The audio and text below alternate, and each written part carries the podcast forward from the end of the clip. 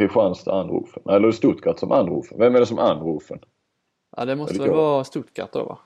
Ja, ja precis.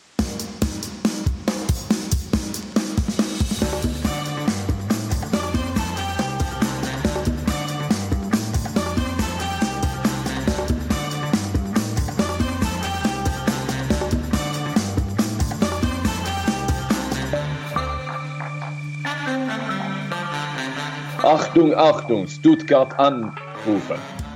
Fint! Kristianstad här. Eh, Jag förstår att du eh, anropar från Tyskland. Min tyska är inte mer eh, bred än så. Jag föredrog ju franska och spanska i min skoltid. Men jag välkommen till, till Sverige och välkommen till podden. Tack, tack så mycket säger jag. För att säga till lyssnarna. Det jag fastnade lite här nu i tankarna på varför valde du spanska och franska? Du såg det inte, det var inte en framtid som eh, handbollsproffs i Bundesliga du såg när du valde. Jag tittade inte riktigt. eh, Ja, det var faktiskt min morsa. Hon sa att franska är språket som kommer att komma mest. Så då tog jag det i högstadiet. Sen eh, blev det svårt på gymnasiet. Eh, Så efter första året bytte jag till spanska. För jag visste att Okej. jag ändå bara skulle läsa spanska ett år. Så att, eh, ja, enkla vägen ut. Mm. Nej, Vad, hade så- du så- valt, vad hade du valt idag? Om du hade varit en 13 år. Idag hade jag valt tyska ju. Det känns som att eh, jag för, man förstår ju en del tyska ord och så. Och, men man kan förstå en del meningar också. Det är rätt likt, påminner mer om vårt språk än vad franska gör. Eh, definitivt. Det tillhör väl de germanska språken till skillnad från de latinska då eller vad de heter. Men, men... eh, Man förstår ju lite vad Nikola Jakobsen säger i eh, Rhein Löwens timeouter. Eh, när han står och gapar på tysk-danska. Så att eh, Ja. helt borta är man ändå inte. Men eh, jaha, jag trodde... eh, Jag hade nog valt spanska. Vad va, hur- vad hade du då? Ja, jag hade tyska och sen hade jag... eh, Ja, tyska hade jag hela högstadiet och gymnasiet. Sen hade jag franska som ett C-språk hette det väl på den tiden i alla fall. I ett eller två år, jag kommer inte ihåg. Ja men spanska det känns som man måste ha språk, man måste ha en begåvning för språk för att Ja, du menar så. det bra. Jag har ju Tycker man har det. Mer nytta av spanskan på något vis. Ja. Både, Särskilt ja, det är vårt, större... Ja, i vårt yrke och man åker med på semester. Ja, jag vet inte. Det är ju ingen språkpodd det här. Ja och du är i Tyskland har vi då förstått eh, och förbereder dig inför eh, VM som vi kanske ska, det blir en liten specialpodd idag kan man väl säga. Du drog väl igång den här eh, traditionen med Per Johanssons eh, slutspelsträd eller VM-träd kan man väl säga eh, med Kentari eller du körde själv med honom före min tid? Mm, nej då, det var... eh, Nej precis. Vi, det var med Kentara ja. Ja. Och, och eh, det finns väl något undantag men jag tror nästan Per annars har varit med och, och kört de här mästerskapsspecialerna inför varje stor turnering. Och nu hamnar vi lite här. Hur, hmm, det var inte bara, han satte ju inte bara eh, femman på pottkanten. Eh, när han snabbt eh, och hastigt och lustigt fick eh, jobbet som förbundskapten i Montenegro utan vi hamnar ju också litet dilemma. Eller ja, det, vet, eller det, det gör vi nog inte. Utan eh, Johansson ställer upp. Eh, och när vi spelar in detta nu är det ju torsdag lunch. Och eh, han är lite uppbokad här nu. De har anlänt till Tyskland och det var mycket att göra. Eh, så därför kommer vi att spela in den delen med honom på fredag förmiddag och sen försöka, eller fredag morgon nästan. Och sen få ut det här då på så att ni har det fredag eftermiddag. Jag gillade, du skrev ett sms där, han skulle, vi skulle egentligen kört med honom idag, då skrev du ett sms eh, att eh, det blir ingen podd med Per idag, han har uppdrag med MNE. Du Ja. förkortade Montenegro, så det säger, det, det, det, skriver man MNE då är man verkligen inne i det här mästerskapstänket. Man sitter inne på VM-sajten och kollar för, eh, förkortningar på de olika landslagen. Eh, exakt, det var faktiskt lite, jo, eh, alltså det var en förkortning som jag före drog den men det är också en liten blinkning till, till Per utan, i och för sig såg han ju inte den blinkningen för det var ju till dig men, men han älskar ju dem ju. Så när man smsar honom det är alltid de han kör även, alltså han kör SWE, alltså SWE på Sverige. Ja, man kör ju, han kör ju Belarus såklart och eh, lite av de här eh, Ja det var ju, vi kommer in på det, Olle Nordin på sin tid, den gamla svenska fotbollsförbundskaptenen. De skulle möta Förenade Arabemiraten och han sa ju bara UAE. Alltså den här eh, engelska Ja. trebokstäversförkortningen, vet jag. Man snackade alltid om UAE, man skulle säga Förenade Arabemiraten. Bra. Det var en parentes det också. eh, men eh, precis. Eh, så Per eh, kommer vara med oss. Det kommer ni snart höra. Ni behöver inte vänta det här nästan dygnet vi behöver göra för att prata med honom. Ni får ju det på ett ögonblick. Men Det först tänkte ju vi snacka loss lite med, ja, lite sådär som vi brukar med lite diverse ämnen. Ska vi börja nå- Vi kan väl kanske börja i handbollsligan för att eh, damernas eh, SOE har ju tagit lite paus nu. Eh, herrarna rullar på december ut. Kan Ja, precis. säga. Ja, Ehm, det har varit liten, vi har pratat om det i några veckor nu att vi eh, serien ser lite, inte avgjord placering för placering men det ser lite, de här segmenten i, eh, i tabellen känns ju rätt avgjorda redan nu med mindre än halva säsongen spelad så har ju slutspelslagen i stort sett blivit klara kan man ju säga. Guif har ju eh, åtta poäng ner till Skövde under strecket. Eh, ja. När bara 14 omgångar har gått så har de dubbelt så många poäng som, som Skövde. Det, ja, som sagt vi har hållit på med det i två veckor eller det var väl inför förra podden som vi skulle ta upp det och så fick vi inte riktigt plats för det och sådär va. Men eh, nu aktualiseras lite här Marcus Lövström på eh, Alingsås Tidning. Har ju bloggat eller skrivit en, en, en, en krönika där. Lite på det temat som vi och i varje fall jag tycker har varit inne på rätt så mycket, eller då och då i varje fall i, i podden här. Att den är förutsägbar och, och så vidare och han efterlyser att det ska komma upp lite nya lag jämför lite grann med Östersund i fotbollsallsvenskan. Han menar de senaste 20 åren vilka lag har kommit och etablerat sig i toppen och, och, och så. Han menar förutom då Kristianstad och Alingsås att det inte har hänt så mycket mer. Jag tycker, och det nämnde jag för honom på, där på Twitter, det höll han med om att han kanske missar Hammarby. De är, de är inte i toppen långsiktigt har de inte varit men de kom ju upp, eh, gick ju som en, faktiskt som en raket genom serierna. Och, eh, lite, ja, och, och sen eh, rätt in och så etablerade sig på ett par år så vann de tre raka SM-guld. Och såg ju väldigt starka ut då men, men har ju sen eh, hamnat nere i, på den nedre halvan i träsket där. Det hade ju varit bra om ett eh, eh, lag lite längre norrut hade varit med och fightats eh, uppe i toppen också med tanke på ja, spridningen, det, spridningen är en sak och eh, medie, mediefokus och uppmärksamheten som Hammarby hade kunnat få om de hade varit ett topplag hade ju säkert gynnat eh, sporten också. Så att eh, eh, annars, annars finns det ju egentligen inte. det. Tittar man i allsvenskan så är det inte direkt så att eh, man hittar tydliga lag som där, där man känner direkt att eh, där finns det potential att, eh, att bli något stort.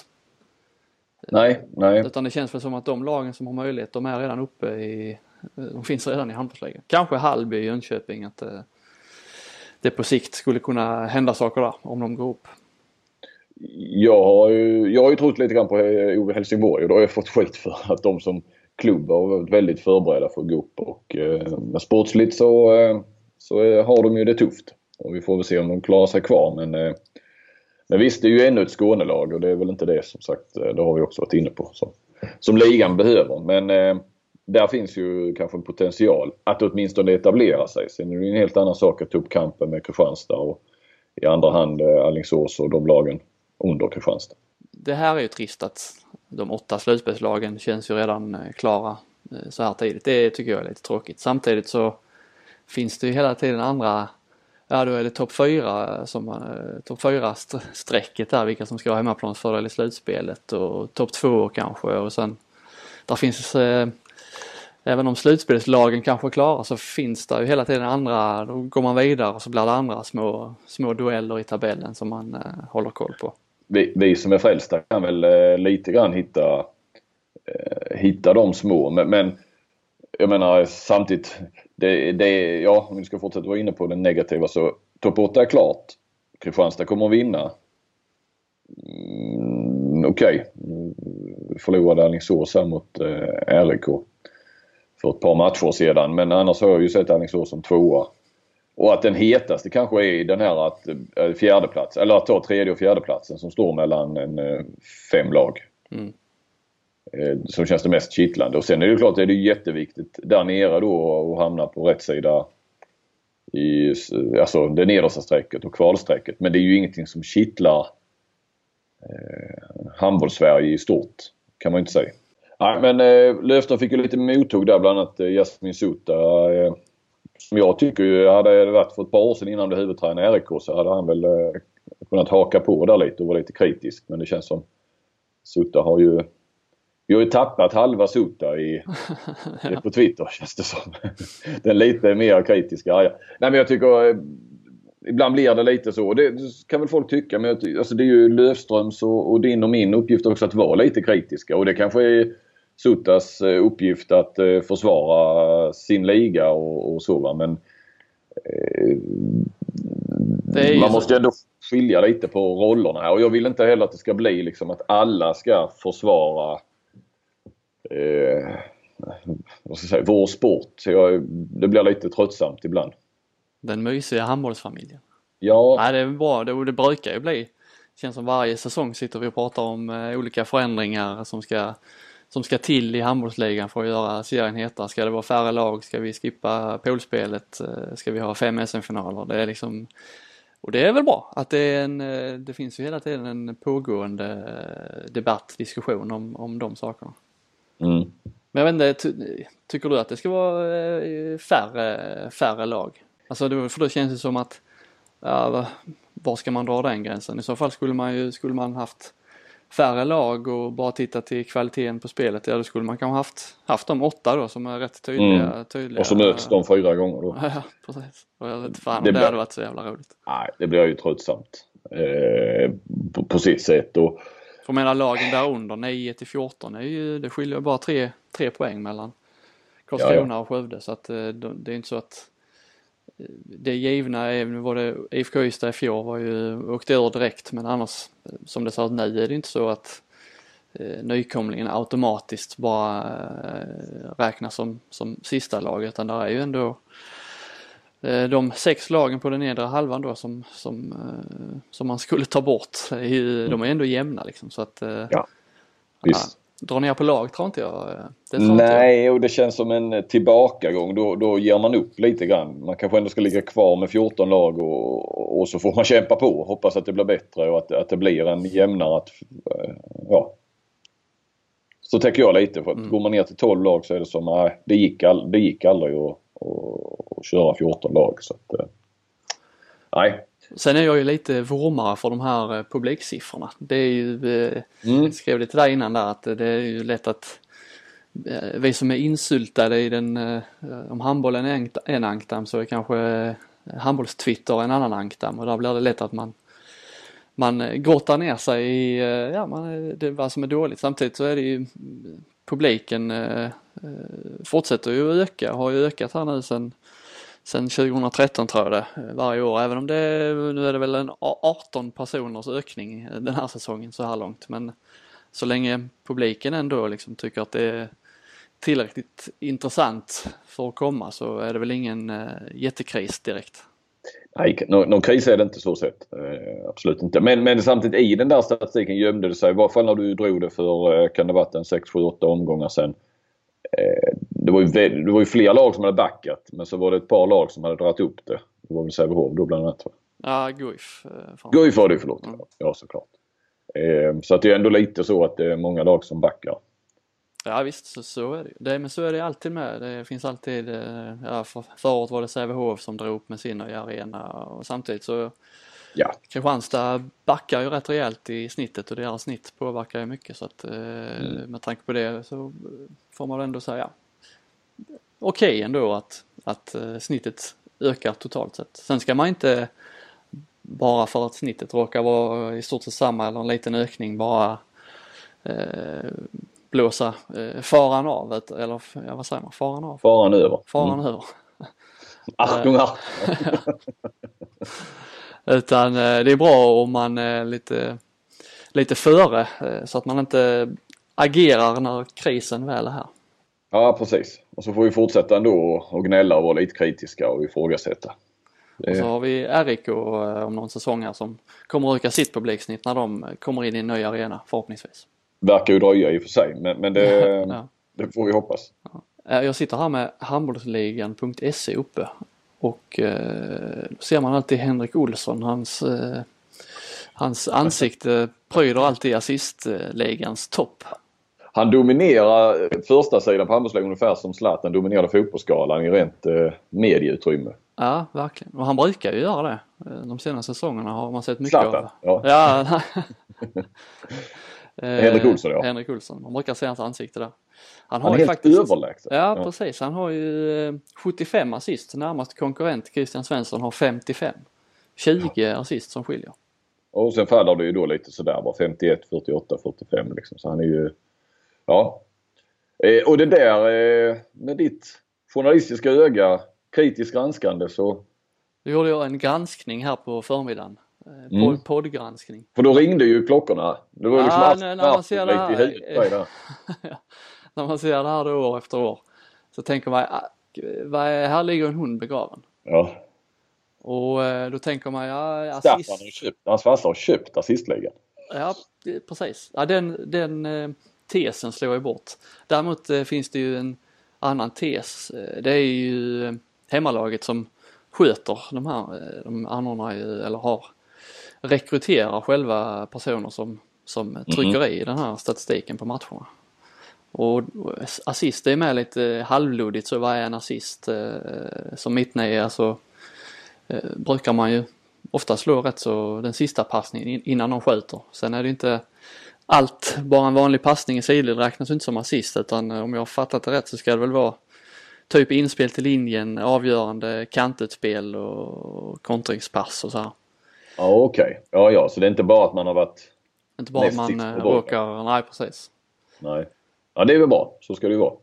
Men min tes är ju då att eh, de som sköter statistiken i Solnahallen kanske fuskar lite på det där. Mm. Gärna trycker in eh, någon assist mer eh, på, på eh, Olsson då. Och då vill man gärna, då vill man gärna ta reda på hur ser det ut? Har han eh, fler assist på hemmaplan än på bortaplan?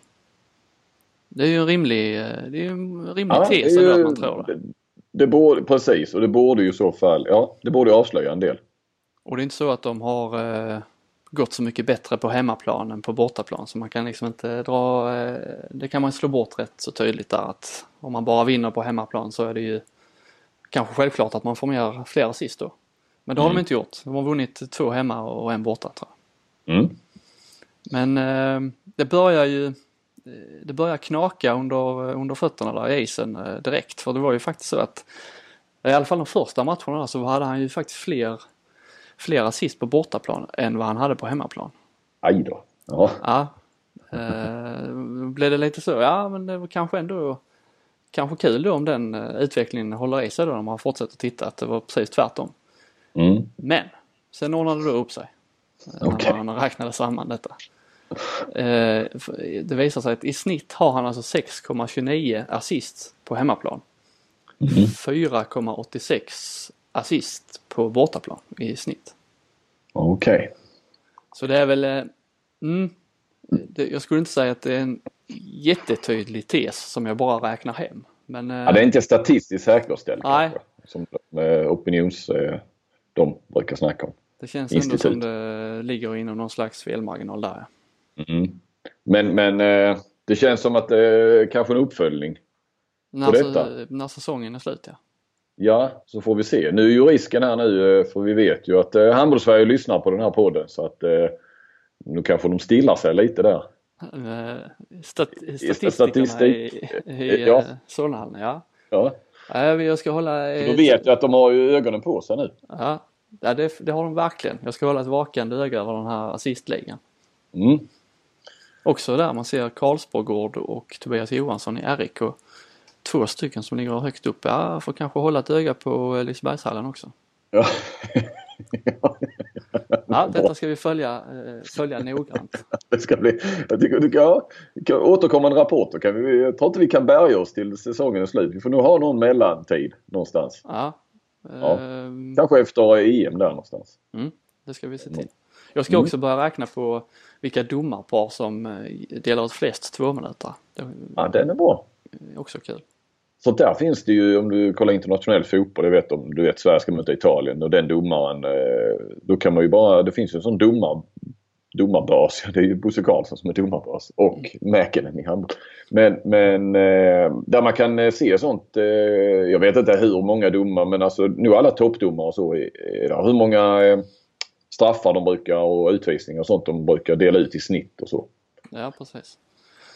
Eh, också borde tränarna ha nytta av eh, faktiskt. Om de nu mm. eh, lyssnar på den här podden. Kan man liksom lägga upp sitt spel lite? Ja, vilka domar har vi? Vad, när och var har de en tendens att döma fler straffar än någon annan? Kanske där vi ska, ska vi satsa utsida två när, eh, när Klicko dömer till exempel. Han ofta straffar där, han och eh, Mikael Johansson. Eh, mm. De dömde internation, mer internationellt. Ja, då kanske vi ska lägga in stöten där. Så att det här, jag tror att om jag gör detta så uh, tror jag tränarna kommer ha nytta av detta.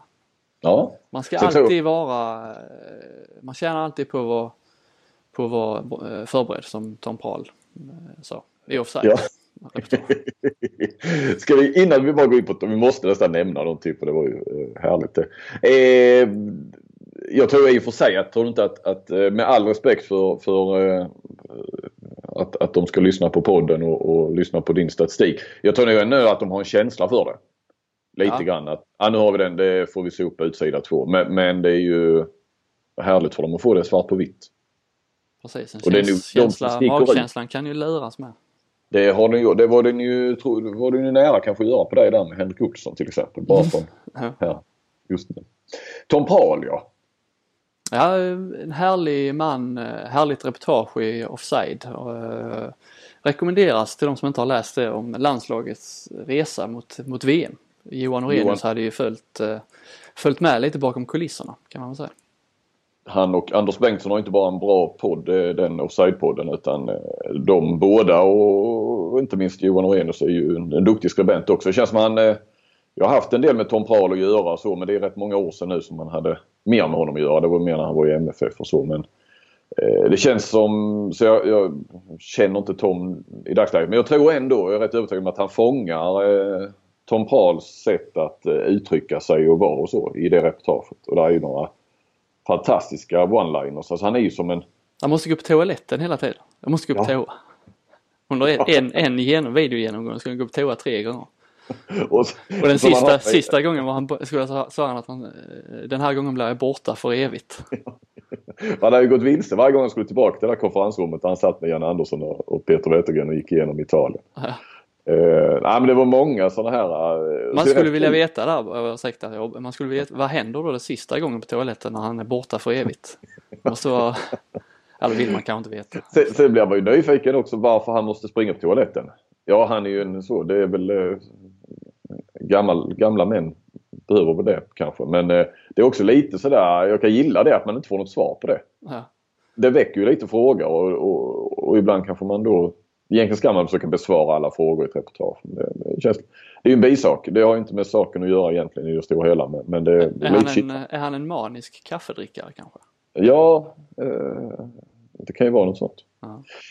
Men eh, nej, riktigt bra där. En, en, eh, ja, det känns som man skulle vilja vara nära Tom Paul mycket. Bara lyssna på honom. Vara nära honom. Det verkar vara härligt. Mm. Utan att han, han är ju ingen sån här eh, så, så Jörgen Lennartsson som pratar som fan och, och utan det är ju liksom En liten eh, mysfarbror? Ja, men rätt tyst emellanåt och eh, är, inte, är inte rädd för tystnaden och, och sådär utan eh, Behagligt utseende har han också. Snäll. Ja. Ja. Sina härliga ögon. Ja. man skulle vilja hänga med honom. Man skulle, om man tittar handbollsmässigt, skulle man ju kunna Eh, skulle man hitta någon eh, Tom Prahl-figur som man gärna skulle vilja hänga med.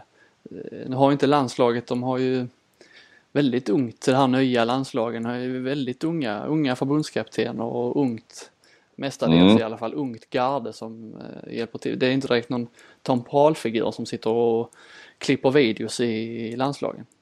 Nej, nej. Nu är det ju, vad var det, Erik Larholm skulle vara det för damerna här nu va och Mikael Franzén Precis. för herrarna i EM. Ja. Franzén är väl ingen ungdom längre men, men det är inte en Tom Prahl-figur. Nej, det är det inte. Jag vet inte, Mats Olsson, är han den äldste? Proppen nu levande. Proppen är väl någon överledare i herrarna va? Eller? Ja, ja, ja, precis. Uh, proppen har sina fördelar men uh, lite tompraldrag men inte riktigt så tror jag inte, nej. På, inte helt olikt utseendet annars. Men jag nej. tänker på ansikt, lite så mysiga små ögon. Ja. Annars skulle man slängt in Claes Hellgren i en landslagsorganisation så hade man kunnat hänga med honom.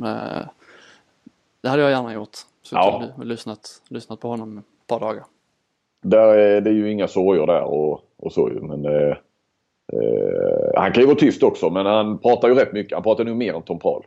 Ja, kanske har han med större kärlek även om Prahl ah, han, I det här reportaget verkar han lite så halvtrött på sig själv eller på fotbollen. Claes Hellgren blir inte trött på handboll. Nej, det är ju sån eh, det är ju en smittande entusiasm men, men eh, nej det, det, är inte Tom Pahlstryk på det viset. Men eh, nej jag kan eh, Nej men absolut, du nämner väl bra namn där. Eh, du var inne på Mats Olsson där ja. Ja. Mm. Ja, honom känner jag ju inte eh, alls så att jag vet inte hans eh, pralkvaliteter. Nej. Han har ju varit med om mycket och så. Det kan man säga. Kan vara kanske den största Tom Prahl-figuren på ett vis. Ja. ja, ja. ja vi lämnar, vi lämnar Tom Prahl. kan ju nämna där, även om det nu snart var en vecka sedan, så Kristianstads seger mot eh, PIK Seged, Champions League. Tog mm. ju dem eh, hastigt och lustigt flera steg närmare slutspelet kändes det som. Men sen, eh, ja det var ju en match, sådana matcher får man inte se så ofta eh, här i, i Sverige. Det brukar bli max någon sån match per säsong där, eh, där Kristianstad då skräller mot ett på pappret eh, klart bättre lag. Så att det var ju en eh, själva matchen var ju härlig och så och eh, betyder ju sannolikt eh, en hel del när det gäller chanserna. Nu betyder de ju, eller betyder ju segern mindre i och med att Zagreb slog detta opolitliga rhein löven här, eh, häromdagen. Mm. Så att eh, det blev lite status, status quo där i, i, i gruppen. Ja, den var väl inte, det var inte det de behövde, Kristianstad kanske. Eh, vad var det?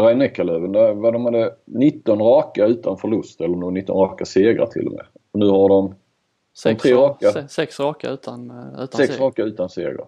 Eh, men också ett otroligt spelschema. Och... Det känns som att de har dragit nitlotten när det gäller, för de spelar inte fler matcher än vad Kiel och Flensburg gör. Men det känns just som i det här matchläggningen så har de inte, Eh, de har, ja, de har dragit nitlotten där, och fått många matcher på eh, extremt tätt schema. Ja precis och sen har väl eh, Nikolaj Jakobsen också varit ute och, och snackat om det en del och kritiserat det och, och um, har väl bemött det på sitt sätt genom att coacha laget på, på ett visst vis. Uh, vår kollega Bent Nygård uh, gamle tränaren och spelaren som har varit expert i många, alltså det är lite Danmarks Claes Helgen kan man väl säga. Oerhört kunnig. Han eh, letade upp den på TV2 Danmark, eh, handbolls, på deras handbollssajt där. Han skrev, eh, han skrev bra där om eh, just Jakobsens lite tysta protest mot det här med spelschemat och så sättet han eh, coachar laget på. Mm. Det var insiktsfullt av Bent. Ja men nu talar jag om vi går tillbaka till Kristianstad där så eh, som det ser ut nu så Ja, ge oss förutsättningarna. Vad, vad, tror du? Du som har koll. Vad, vad kommer krävas i slutändan här då? Alltså, jag känns nästan som hur den går i de här matcherna så kommer det bli eh, en avgörande match i den sista mot Zagreb. Det kvittar I, liksom. I Zagreb? I Zagreb ja. Eh, för det kvittar liksom om, säg att Zagreb vinner mot block, skräller någon match till så, och samtidigt Kristianstad skulle förlora eh, alla sina matcher fram till den här avgörandet så är de ju ändå bara två poäng före Kristianstad och då blir det ändå liksom IFK måste vinna, vinna den sista matchen ändå så att vem som ligger sexa mm. som ligger sjua inför den sista spelar inte så stor roll egentligen utan uh, det, det är ju den uh, sista där allt kommer avgöras eftersom det är inbördes möten som räknas före målskillnad och, och allt det andra. Och vad har vi från första matchen då? Kryss, 28 lika. Ja, ja visst. Så ja, det, det jag tror att det kommer, ja det kommer ju krävas minst två poäng till för Kristianstad. Och eh, sen kan det ju vara så att de kanske, där är ju en match där, en omgång i februari där Kristianstad har Nant hemma samtidigt som Zagreb har eh, Plock borta. Skulle Kristianstad vinna mot Nant samtidigt som eh, Zagreb förlorar där så det är väl den möjligheten då som att kunna vara klara innan. Och säkra det innan, ja. Precis. Mm. Vi får väl hoppas på att Albin Lagergren, eh, att det blir hans, eh, att han gör det bra i Zagreb Arena nu då framöver. Eh, de kommande månaderna tänker jag. Mm. Det är ju där Sverige ska spela mellanrunda i EM i januari. Ja. Och sen har de Zagreb efter det då ju såklart ja. Precis, de, man målar ju alltid upp Zagreb borta som någon slags eh, omöjlig mm. uppgift och de har så bra stöd och publik. Men jag såg den, såg den Löven när de slog Löven här det är inte, ja, det var knäpptyst liksom långa stunder i arenan så att just publiken tror jag väl inte kommer vara det stora problemet. Det är väl andra saker som har en tendens att bli lite konstiga eh, i Champions League när det är hemmalaget som mm. lätt gynnas. Ja, precis. Som Kristianstad också eh, drog nytta av ska man säga mot PIK eh, senast. Fick ju en hel del, inte, inte ens 50-50 domslut med sig utan det var många ah, okay. lite märkliga domslut som, som gick i Kristianstads favör. Så de ja. har väl, eh, det har man kanske förtjänat efter, det har de inte haft tidigare den fördelen. Men eh, tredje året i Champions League, då börjar de kanske förtjäna det också. Ja. Ja. ja.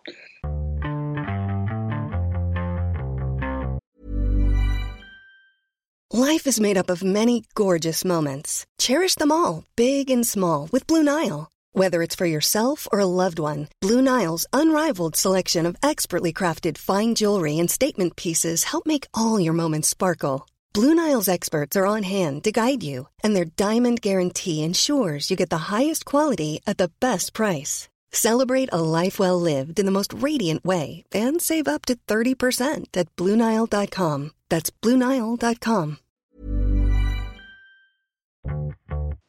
Nej men eh, vi ska snart släppa in eh, Per Johansson och eh, VM-specialen här men, men vi har faktiskt en skulle nästan säga lite tråkig sak att, att ta upp eller sådär. Något som, eh, ja, som har gjort mig eh, irriterad och lite frustrerad de senaste dagarna. Det var ju så att i måndags var det va? I måndags kväll så skrev jag om eh, eh Nils Littorin i Kärra, en 15-åring som i steg 2 i USM då den, den gångna helgen hade gjort 26 av eh, Kärras 28 mål. De mötte Mark, eller Marks HF. Eller Marks HK. Mm. Eh, och inte bara att han gjort 26 och 28, han har gjort 26 i rad dessutom. Och, ni, och, och de 19 första kom före paus.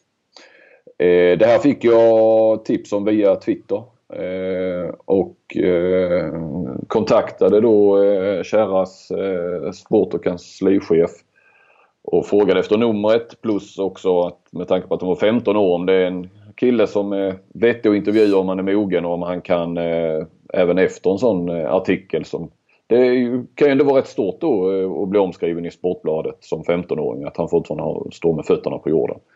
Eller man skulle prata bara med tränaren eller kolla med föräldrarna först och så vidare. Så Men han svarade att det, det är lugnt. Det är en mycket mogen 15-åring som står med båda fötterna på jorden. Så jag fick telefonnumret.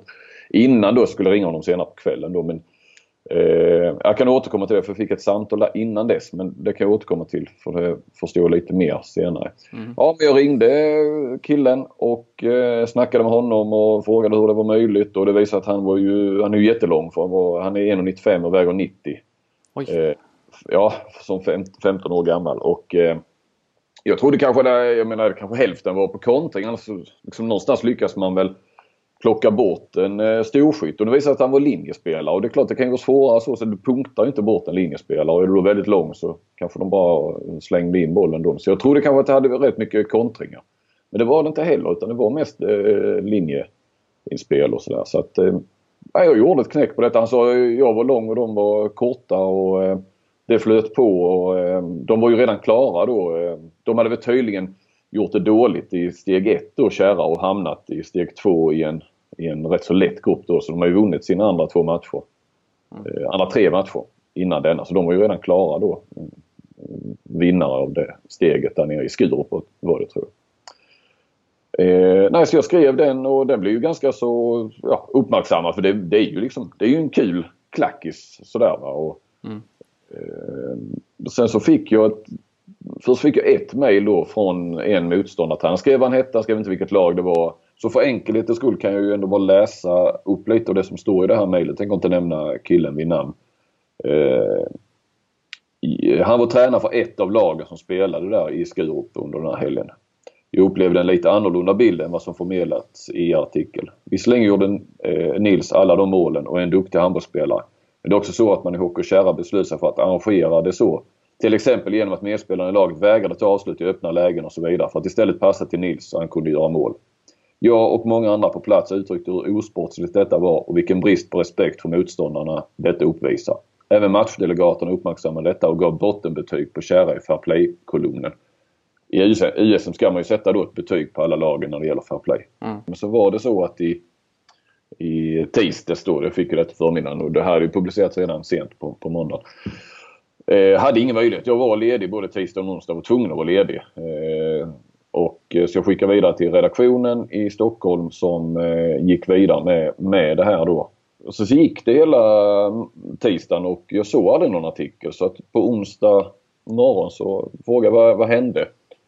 Och eh, det visade sig då att eh, min kollega hade ju pratat med alla de andra tränarna eh, i, i den här gruppen då, eller det här steget i Skurup där, USM-steget. Och eh, de var ju mer eller mindre rasande på, på Kärra och eh, i det här andra mejlet som jag fick så eh, en av Kärra-spelarna hade en hel halvplan ensam med målvakten. Han bara stannade och väntade in Nils att han skulle kunna göra mål. Detta hände ett flertal gånger under matchen. Kärra-spelaren ville inte göra mål helt enkelt.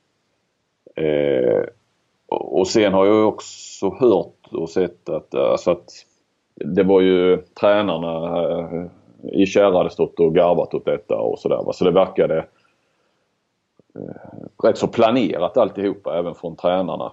Och, eh, men det blir ju som sagt aldrig någon artikel och jag, varför blev det inte det? Jo, då kände vi ändå, eh, eller mina chefer att då skulle ju eh, 15-åringen här då, Nils, hamna i skottgluggen rejält. Alltså vi har ju någonstans skrivit upp honom och kände att han, han är ju rätt så oskyldig i det hela. Och mm. eh, det skulle därför bli, eh, ja, för honom, och det, det, ville vi liksom inte utsätta honom för. Och eh, på det hela taget så skulle vi kanske inte publicerat det från början. Eh, men, men, samtidigt så, jag kollade med sportchefen, eh, han sa ingenting om detta och sen ska jag säga då så fick jag ett samtal från en av eh, Kärras tränare då innan jag ringde upp eh, Nils ena på kvällen. Och, då ringde han mest och sa jag skulle bara kolla liksom, så att du inte gör något sådär att du ifrågasätter eh, honom om varför de andra inte eh, gjorde så många mål. Och då hade jag bara tanken liksom att Nej, nej, sa jag. Det ska ju bli en positiv artikel det här alltså, för Nils. Det ska inte bli något, eh, liksom, jag ska inte ifrågasätta honom. Jag utgick mest från att han hade tagit så många avslut eller sådär. Va? Mm. Det inte...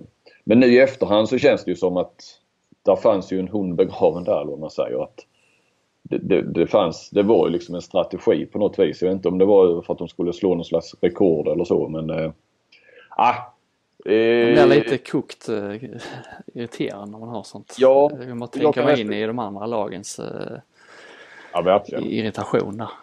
Men om vi ska sluta bara den här, så vi försöker ändå vara också handboll och media och lite så. Så jag har respekt för, eh, för mina chefers beslut att, att det, det, kunde bli, det kan bli rätt jobbigt. Det kan bli, det blir oerhört negativt kring Nils då som, som ändå trots allt är ganska så oskyldig i detta. Ja. och men jag har sagt till nu cheferna att jag, tänk, jag vill ändå ta upp det här i podden där vi mer kan lägga ut texten och sådär. För någonstans så gör man en artikel, det ska vara en rubrik. Folk läser rubrik och ingress och, och sådär. Här i podden så vi behöver inte göra någon rubrik av det och vi kan eh, som sagt som vi nu gör lägga en 5-10 minuter på det och resonera kring det lite. Mm.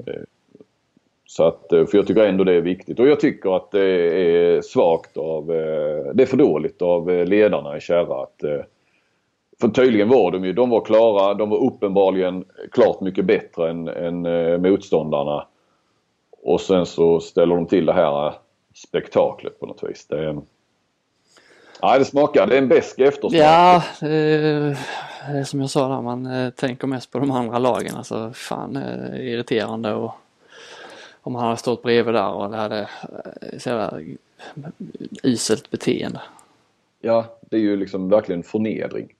Och, och, jag skrev ju det, gjorde en poäng av när jag skrev min artikel och tror även twittrade om att han inte utsågs till matchens bästa spelare vilket kändes ju helt befängt och sen blev det en liten diskussion kring det att och enligt han själv då eller vad de då sa där så, så kan man bara få det en gång per helg då av de här fyra matcherna och, och det verkar vara så. Sen så är ju frågan vem som utser bästa spelare respektive lag och då har jag fått höra att det är den egna tränaren och, och ibland är det arrangören och ibland är det motståndartränaren. Och I det här fallet om jag har förstått det rätt, liten brasklapp om jag tror jag har förstått det rätt, så var det motståndartränaren. Och det var nog snarare som då såklart var jäkligt förbannad. Så jag kan ju förstå att han ville markera på sitt sätt genom att inte ge det till, till Nils. Mm. Eh, för samtidigt känns det ju lite konstigt om man bara läser 26 mål, blir inte matchens bästa spelare. Undrar han som fick den om han verkligen känner att han var matchens bästa spelare. Eh, men eh, ja, Eh, så det, det, det har jag full förståelse för att eh, motståndartränaren inte gav, gav det till, eh, till en spelare som har 26 mål ja. under de förutsättningarna. Ja. för allas parter så tycker jag det var viktigt att, eh, att det här kom fram. Att, det var inget snyggt sätt men eh, vi ska inte hänga Nils allt för mycket. Jag vet inte vad han skulle ha gjort. Skulle han liksom försökt missa? Det är klart han skulle, Nej. skulle ha sagt till dem sluta passa mig. Jag, jag förstår ju att han åker med i, i hela det ju. Och det är ju roligt att göra mål så att, eh, ingen skugga på honom alls faktiskt. En 15-årig kille. Men, Nej eh, fan detta är ju ledarfråga 100%. Precis. Ja, ja, jag hänger inte eh, någon av spelarna egentligen utan eh, det, det, nej, det är bristande ledarskap och eh, själv lär man sig väl också att man inte kan lita på någon men även en sån här story som som kändes rätt så klockren och Lite och för bra för Osan. Ja, den var ju det. Den var väl lite för bra för Osan. Som sagt, kanske jag skulle ha eh, varningsklockorna skulle ha ringt. Det skulle varit Achtung, Achtung i, i mig där men eh, ja. Man var väl sugen på att skriva den också. Det ska väl också medges. Att, eh. Detta om detta. Ja, ja, nu får vi... Eh, nu släpper vi in eh, Per Johansson så kör vi en VM-special så är ni grymt uppdaterade när VM sätter igång här nu då fredag kväll. Och Sverige går ju in på lördag. Då klipper vi lite och så kör vi Per. Ja. Ja men då kör vi Per Johansson. Välkommen till podden. Eh, det här var en eh, punkt i ditt digra schema som du såklart inte ville missa inför ett, ännu ett mästerskap. Ja, men det är lite tradition så det, det, det känns som det ska göras. Det känns bra. hur, eh, hur påläst är du? Eh, hann du läsa på någonting innan, eh, alltså på VM i stort som expert innan du blev, eh, hoppade på Montenegro-jobbet? Nej, men man, som expert så börjar man ju följa det ganska tidigt och så intensifieras det jobbet senare, längre ju närmare man kommer. Men eh, jag hade inte intensifierat, det hade jag inte gjort. Men jag hade börjat sätta de stora ramarna. Så att, eh, men sen blev det ett annat fokus. Precis. Du, eh, hur var, hur var, jag får bara fråga, hur var, eh, hur reagerade Discovery när du tog, tog det här eller kom med det här beskedet? Det var ju, jag hade ju lite ängslig känsla där att ringa till Emir för att jag ville gärna göra rätt för mig. Så, men jag tog mig modet i alla fall och, och eh, ja, visste väl inte hur han skulle reagera men han var väldigt positiv. Han sa att vi stoppar inte, vi vet att det här är ditt eh, ja, mm, din profession och du, det är klart, vill du göra detta så ska du göra detta. Så han var väldigt öppen och, och med det, så det, det kändes bra. Så att, men jag vill inte sätta dem i klistret, men uh, han sa att vi löser det, du behöver inte tänka på det, hoppa på det om du vill. Så det, det, det var ju ett samtal, för att hade han inte sagt okej okay, så hade jag inte gjort det. Nej. Tycker du då att de har, eh, nu när inte du är med, har de fortfarande Sveriges överlägset bästa handbollsteam? Det är ju det man undrar. Det är klart de inte har, i och med att jag inte... jag menar det. Nej, men jag tycker att, eh, att man väljer Linnea som kommentator tror jag är jättebra. Hon har integritet, trovärdighet och en enorm eh, detaljkunskap och övergripande kunskap om, om alla lag. Hon är ju den mest eh, nördiga svensk skulle jag tro på tjejsidan. Så den lösningen är ju bra. Så det var, känns som en värdig ersättare. Och jag tror att det kan bli jättebra med, med henne i, som kommentator. Mm. Har hon frågat om råd och så eller? Ja, det har de gjort. Så jag har försökt hjälpa lite och, och det är ju liksom you give something, you get something in return. Så då får hon hjälpa mig. När jag är i Montenegro med lite detaljkunskap om danska spelare exempelvis. Ja. Vi hjälps åt.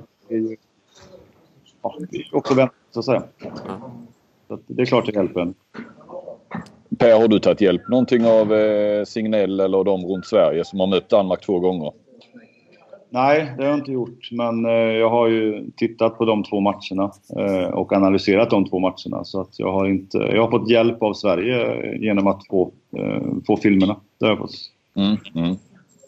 Du, det känns som att du njuter av att vara förbundskapten för ett lag i Balk, på Balkan.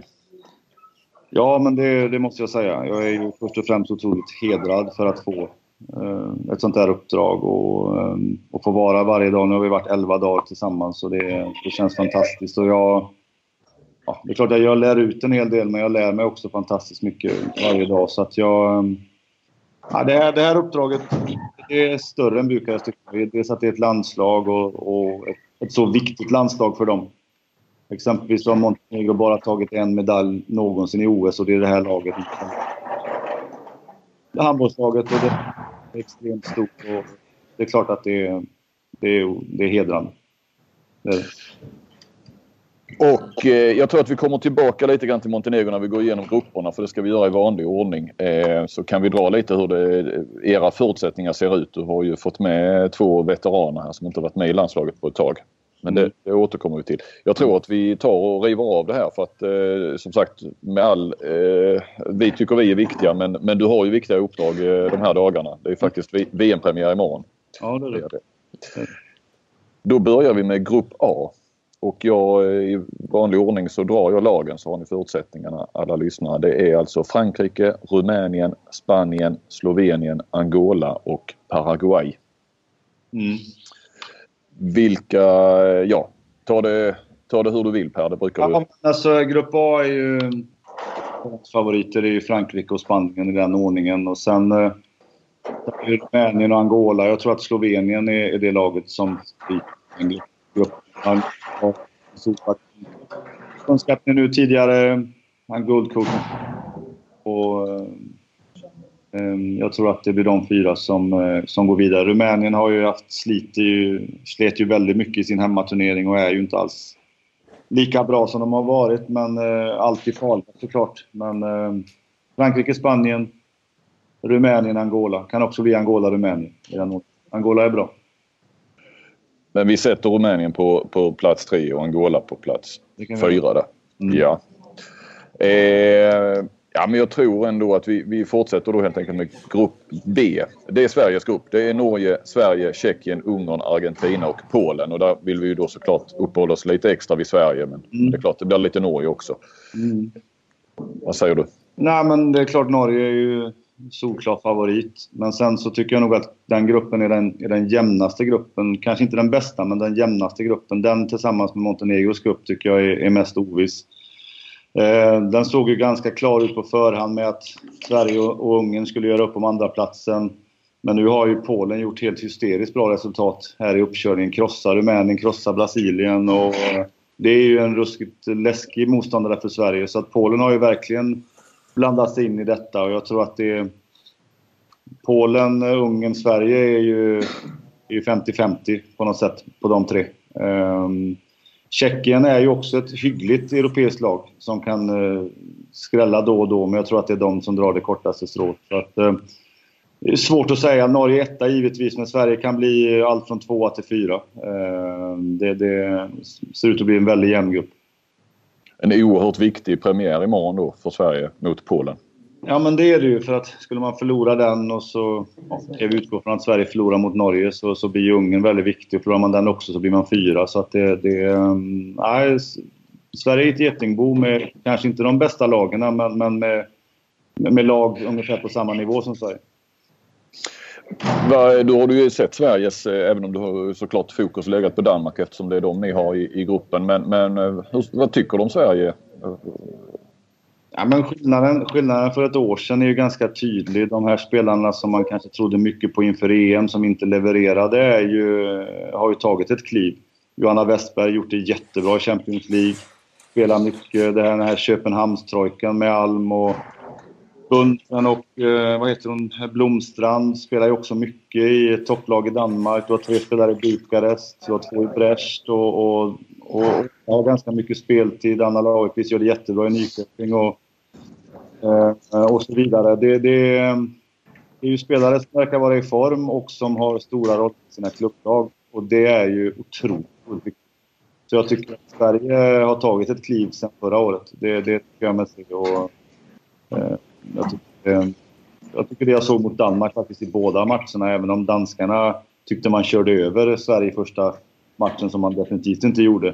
Eh, hade Sverige gjort en massa bra saker i andra också. Man spelade taktiskt väldigt bra med bra försvarsspel och tryckte in i mitten mot deras och Det finns mycket i den matchen som jag kan ta med mig till min, till min premiär med mitt lag. Så, de... Jag, jag, tänkte på en sak med Sveriges, eh, Sveriges främsta anfallsspel då med, kommer fysiken att räcka till där om man har Säg man startar som Flink vill att vi ska starta med Jamina och eh, Guldén och, och eh, Hagman på 9 meter. Kommer det att räcka liksom? Alltså Sverige har ju ingen sämre fysik än något annat lag. Det är ju bara vi i Sverige som tycker att vi är så mycket sämre fysiskt. Men Sverige är ju inte sämre fysiskt än något annat lag. Det är klart det kanske kan bli skillnad när de möter Frankrike eller något annat men, men eh, fysiken ser jag inte som något helst problem. Sverige har inte sämre fysik än vad Polen eller Ungern har så att nej, det ser jag inga problem. Det är inga dunderskyttar så direkt tänker jag? Nej, men man har ju ändå Westberg som har ju varit en dunderskytt under hösten. Eh, man har ju Jamina som har gått från, från eh, joker till att kunna hantera en del annat. Man har ju en brutal Blomstrand när hon väl sätter den sidan till. Och, eh, nej, det är ju inget, det är ingen skyttefest i Sverige. Men, men eh, man har ju bra halvdistansspel och, och, även med spelare som kan dra dit den utifrån. Så att, jag tror inte man kommer att falla på fysiken. Det tror jag inte. Det låter ju tryggt. Ja. De vittnar ju också om att eh, uppladdningen har varit eh, bra mycket bättre än eh, inför EM när både Guldén och Hagman blev skadade under landskamperna. Och, och, man förstod ju, det är sånt man förstår i efterhand att de, det var ganska osäkert och de kunde ju i princip knappt träna alls. Och Lindblom Blom var ju också ett osäkert kort. Så att, eh, även om nu Louis Sand har fått en stukad fot så, så det andra, de andra där var ju viktiga nyckelspelare på alla sätt. Så att, eh, det, det, känns mer positivt eh, ja. den här gången. Var placerar vi in dem i gruppen då? Sverige? Det är klart att jag som svensk gärna vill säga tvåa, men, eh, och det gör jag väl då. Eh, och så sätter jag Ungern som trea och, och Polen som fyra, men med en klar brasklack för att, eh, för att Sverige lika gärna kan bli fyra eh, som två. Eh, jättejämnt bland de tre lagen förhand. Jättejämnt. Då går vi vidare med grupp C som är din grupp då Per. Då eh, läser jag upp Ryssland, Danmark, Brasilien, Montenegro, Japan, Tunisien. Jag får väl säga att likt i Sveriges grupp så är det, så är det framförallt fyra riktigt bra landslag. Ehm, eh, vi har Danmark som var fyra sist och vi har Olympiamästarna och vi har Brasilien som ju vann VM för inte så många år sedan. Det är klart att det är en tuff grupp. Eh, det är det ju. Sen har vi, i alla fall på förhand, lite enklare femte sjätte lag då i Japan och Tunisien. Eh, men det är, det är samma för oss egentligen att eh, vi känner att vi har 50-50 mot Danmark, absolut. Lite som Sverige och Polen. Sen har vi Ryssland. Vi har Ryssland precis som Sverige har Norge. Eh, och Brasilien också någonstans där. Så att... Eh, jag kommer att... Om jag ska tippa så tippar jag Ryssland etta. Danmark tvåa, vi trea och Brasilien fyra då. I den ordningen. Men egentligen med brasklapp där att lag 2, 3, 4 tror jag kan... Jag ska se så jag hänger med. Du satte in eh, ditt Montenegro som trea va? Ja, och så Danmark tvåa då, Ryssland etta och Brasilien fyra. Men också att det kan vara huller om buller där. Och man vet heller inte med Trifil och de här mästerskapen mellan OS. Man vet inte hur han kommer att bete sig med sitt lag och vad han tycker är viktigt och så vidare. Det är också så att de kan gå på någon jättemina i gruppspelet som de gör ibland och hoppas den kanske kan vara mot oss då. Så att det kan ju skakas om. Men den är en väldigt oviss grupp hur bra är... Brasilien är ju inte så bra som de var för eh, några år sedan när de vann VM på hemmaplan och, och, och alltid var en av favoriterna. Eh, eller hur? Skönt att du säger det Johan efter att ha kollat Brasiliens träningsmatcher och så nu innan. Nej då, det är de kanske inte. De har väl kanske, alltså lite likt Montenegro, att man har eh, inte alls så många stjärnor kvar. Där har man ju Amorim och Anna Paula Rodriguez och da Silva och någon till. tillsammans på samma sätt som vi gör Radicevic, Bolatovic och Knis, eh, Rajcevic.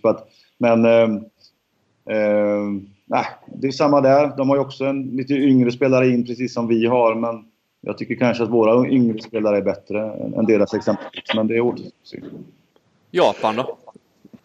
Japan är ju, kan, har ju inte gjort något sånt jättebra förberedelse här men eh, de ligger ju och tränar jämt och de har ju VM går ju i Brasilien, eller i Japan 2019. Sen har de OS så det är klart att de har en dansk tränare och hela paketet. Och de fram. Så de är ju en, eh, kan ju definitivt vara läskiga. Kan man ju, alltså det är ju ett lag man kan snubbla på. Alltså Kamerun kan man ju inte snubbla på, eller Paraguay, men, men, men eh, Japan kan man snubbla på.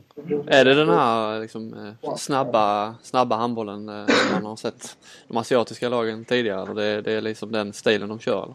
Alltså Japan är en kopia av Korea till, till mångt och mycket, fast lite sämre. Mm. De, är, de, är, japanerna de har några som är lite större. Det, det är ju koreanskt light, typ. Mm. Är, om vi går in på ditt lag lite. Du har ju då alltså fått tillbaka Bulatovic och eh, Jovanka Radicevic, eh, högersexan då. Och Bulatovic är ju eh, ja, det är väl en av de bästa högerna vi har sett eh, under ja, 2000-talet kan man nästan säga. Um, ja, det har jag ju fått. Jag får väl säga att Jovanka och Katarina är ju kanske ja, definitivt topp tre i världen på sina positioner. Kanske till och med topp ett i båda. Så att, eh, jag är otroligt lycklig över att, att de väljer att spela för, för Montenegro. Det, det betyder ju... Ja. Hur fick du med dem då?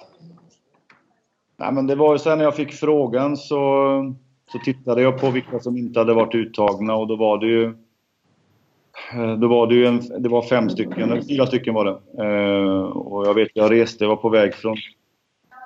Satt faktiskt i taxin från eh, Kallax till Boden och jag ringde först Jovanovic som spelar i Ferencvaros som ju varit jätteviktig för dem, men hon problem med knät och var jätteglad för att jag skulle komma men kunde inte. Så ringde jag Klikovac som spelar i Varda och då sa hon ja, jättekul men jag är skadad. Och, och då var det liksom så att jag har två samtal kvar och jag måste få 2-0 på de här samtalen annars tror jag inte jag tar det. Och så ringde jag till först eh, till Bolatovic och hon sa, sa ja nästan i första utandningen och eh, samma med Radicevic. Och då, då kändes det, och sen tog jag mitt beslut att komma. Så att det, det kändes bra. Har du förstått varför de inte har varit med? Nej, det har jag inte. Jag har inte pratat med dem personligen. Jag tror att, eh, tror att Solatovic eh, inte har blivit kallad. Eh, velat, men inte kallad. Eh, och jag tror att Radicevic inte har velat komma. Eh, men de eh, har inte liksom eh, mycket om det och inte heller. De pratar mer om att landslaget behöver en ny, de behöver en, en ny kraft och, och, och, och de är de bästa spelarna. Och kanske att det var det, att man ville ha de bästa spelarna och man fick inte det. Men det är oklart. Mycket dimridåer kan jag säga. Eh, vad har ni för målsättning och sådär? Hur långt kan ni gå? Eh, bara för att titta på, lite kort på vårt lag då så har vi ju kanske fyra väldigt etablerade spelare. Sen resten 20-åringar i stort sett och några juniorer. Och där den unga kadern spelare är jättetalangfulla och har gjort det fantastiskt bra i Buduknost nu och tog sig till main round. Och jag tror att om två, tre år så är, de, så är Montenegro tillbaks på yppersta eliten, eller toppen, om man skulle orka bära med sig de här stjärnorna då, som är en förutsättning. Så att jag tror att vi kan förvänta oss ganska mycket upp och ner. Men en bra dag kan vi slå alla. Absolut. Det eh, finns en enorm energi här, otroligt välutbildade spelare. Eh, alltså en drivkraft för sitt land som jag blir nästan tårögd över hur, hur mycket de vill för sitt land och hur viktigt det är och, och eh, passionen och allt det här. Så att, eh, det är ett spännande lag. Ungt lag kryddat med några av världens bästa spelare så det är ju en, det är en eh, härlig miljö att vara i. Men eh, vad vi har pratat om i laget, nu pratar man inte riktigt så som man gör i Sverige, att man kör en powerpoint och alla får säga sitt. Men det som jag tyckte var, jag tyckte var viktigt ändå att vi, vi enades om att vi ska göra... När vi kommer till åttondelsfinalen så ska vi vara jäkligt bra förberedda för den oavsett vilken motståndare som står där. Och vi vet kanske att det kommer att vara upp och ner i gruppspelet men vi ska ägna all tid, alla timmar och, och dagar och matcher och erfarenheter för att vara klara i åttondelsfinalen. Och så var det punkten. Eh, hur funkar det då eh, med målsättning och sådana här saker? Det, det är förbundskaptenen som bestämmer menar du på ett annat sätt? Ja, det är det. det är inte, de är inte så vana med att, att man diskuterar fram en målsättning. Men eh, jag pratar lite med de äldre och så pratar vi lite med hela gruppen. Och här är det inte så mycket att man pratar om målsättningar. Utan generellt sett är det inte det. Utan det är, det är kämpa för laget och stå upp för landet och göra sitt bästa och ha mycket energi. Och, man pratar inte så mycket så direkt om, om målsättningar utan ta mycket så blir det bra så blir det bra. Liksom. Det, det, det, känns som, det känns bra att det är så. Mm. Vi går vidare med grupp D. Eh, Nederländerna, Tyskland, Serbien, Sydkorea, Kina och Kamerun. Ja, då kan man ju plocka bort Kina och Kamerun direkt för de kommer inte vara med om det. Sen är ju... Eh, sen är det ju stort frågetecken faktiskt på Tyskland hur bra de är. Det kan ju finnas en liten, liten risk att, eh, eller chanser om man säger att Tyskland kan göra som Sverige i sitt EM, att man kanske inte riktigt får till det. Eh, Holland ser ju starka ut. Eh, Tyskland såklart med, med publik och allt det där. Eh, men inte så säker på att de eh, får en fullträff. Serbien mötte ju vi två matcher och, och eh, vann ju stort första Eh, de får ju Lekic då som inte... Eh, spelfördelaren förmodligen. Hon var inte med mot oss, men det sägs att hon ska med in. Hon, en stor, jättestor linjespelare är ju med och Damjanovic är med. Så att de, eh, de tror jag kan utmana Tyskland. Eh, så att det står mellan Holland, Tyskland, Serbien. Men jag tar Holland. Nu, nu försvann du Per nästan. Ja. Ta, ja, eh, så vi... Holland, Tyskland, Serbien i den ordningen. Och Sydkorea? Ja. Då ska jag skriva in här i mitt lilla block. Holland, Tyskland, Serbien och Sydkorea. Det här lilla blocket, vad ska hända med det sen Flink? Ska du hålla, följa detta under VM nu, grupperna? Nu har jag det här, vi ska fortsätta här. Vi är inte nöjda så här. Nu har vi åttondelarna här. Eh, så betar vi av dem i vanlig ordning så får vi fram en slutsegrare. Mm. Då har vi högst upp så att säga då i eh, Norge-Angola i en åttondel. Och där Per, vågar jag sätta Norge som segrare. Jag tror att du kommer säga det. Mm. Det kommer jag. Ja. Serbien-Danmark. Ja, säg Danmark då. Danmark. Ja. Vi har Ungern, Spanien. Spanien. Vi har Holland, eller Nederländerna, Brasilien. Holland. Frankrike, Polen. Frankrike. Montenegro, Tyskland. Montenegro. Mycket hjärta där. Ja. Velika Sört, som de säger, stort hjärta. Velika Sört. Ja, det är stort hjärta, men så är det ju. Rumänien, Sverige. Sverige. Helt övertygad om det? Nej. Jo. Ja. ja. Eh, Ryssland, Korea. Ryssland. Ja. Då har vi följande kvartsfinaler. Norge, Danmark. Norge. Ja, okej. Okay. Vi, vi river om. eh, vi har eh, Spanien, Holland. Holland. Vi har Frankrike, Montenegro. Frankrike. Där kom hjärnan in. Ja. Sverige och Ryssland. Ryssland. Vi har lite av the usual suspects i semifinal då med andra ord. I varje fall de senaste åren. Vi har, nu säger jag de två semifinalerna innan du säger någonting annat. Vi har Norge, Holland och vi har Frankrike, Ryssland. Ja, då tror jag det blir Norge, Ryssland i final. Klassiker. Mm.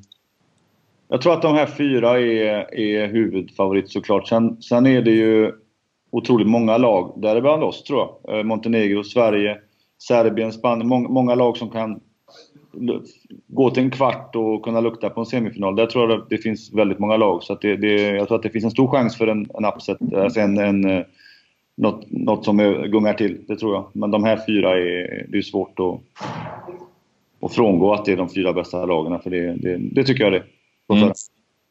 Och det är väl så man ska tippa om man inte har väldigt bra känsla för, för en, eh, en skräll och sådär. Sen så som sagt så är det, det händer ju då och då som, att, att man får in en, en skräll bland semifinallagen. Eh, Norge-Ryssland, VM-final. Vilka tror du tar den då? Norge. Det är ju tråkigt tips, men alltså det är tråkigt. Jag vet inte men, men ja, Norge vinner den. Var står Norge någonstans nu då? sett, eh, alltså historiskt sett. Hur bra är de nu och var är de i sina generationsväxling? eh, ja. Och... Det spelar inte så stor roll för Norge för man tycker när Norge kommer till varje mästerskap egentligen att ja, men nu ser det väl inte så bra ut. Nu ska den och den in och nu, nu är den borta och så. Men Norge är ju kanske det enda laget av alla som blir hysteriskt mycket bättre under turneringen. Det, det finns ju ingen, ingen likhet till det till lagen. Alltså ofta lagarna, några lag kan ju bli lite bättre men, men Norge har ju någon form av... Var den förmågan kommer ifrån vet jag inte men det är ju att spela ihop sitt lag under turneringen. Och mm. vara som bäst när det väl, när det väl behövs som mest. Så att, eh, ja, de är väl en normal, de är väl ingen jättegenerationsväxling utan de, de jobbar ju inte riktigt så utan de fyller ju på pö om pö. Det är två nya spelare som kommer att slå igenom den här gången exempelvis. Så, ja, de jobbar ju med kontinuitet som ju är, är, är imponerande.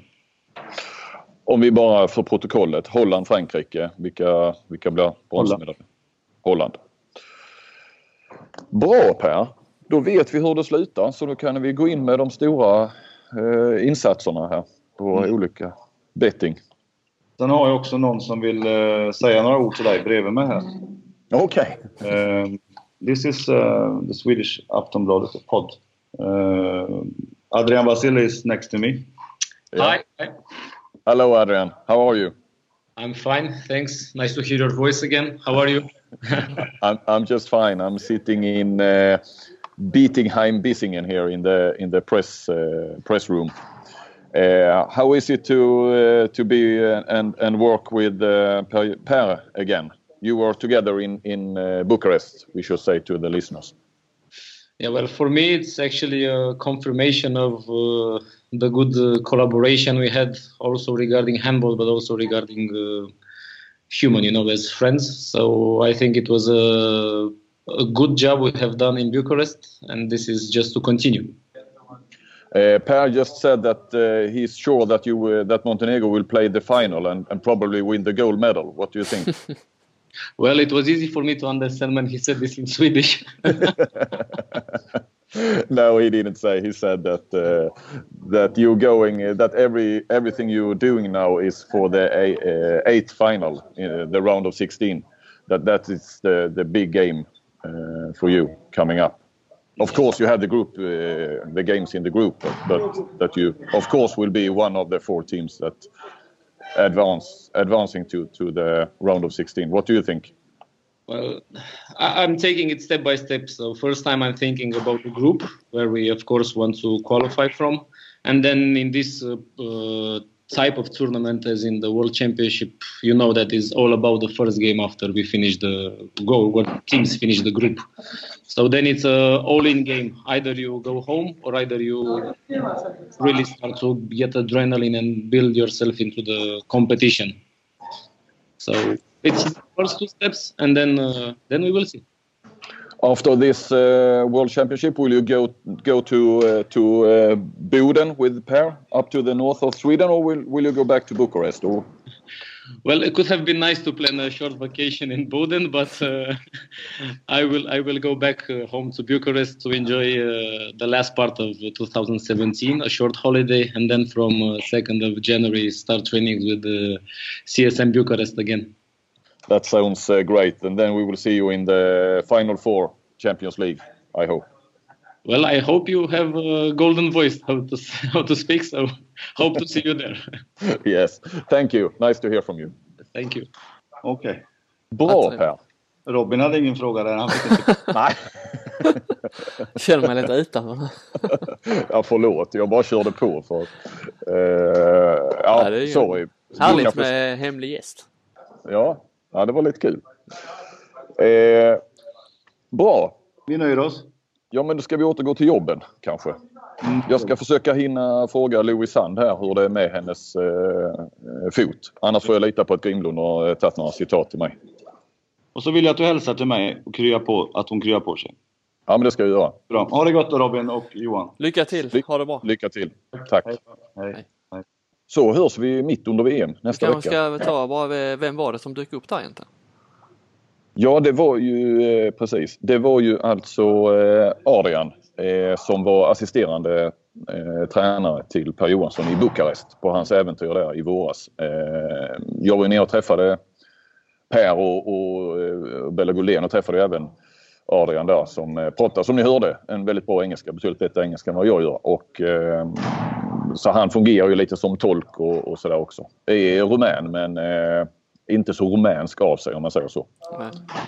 Och jag tror att han egentligen är någon fystränare, sjukgymnast.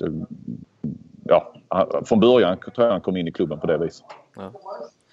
Ja, det var mysigt. Mm.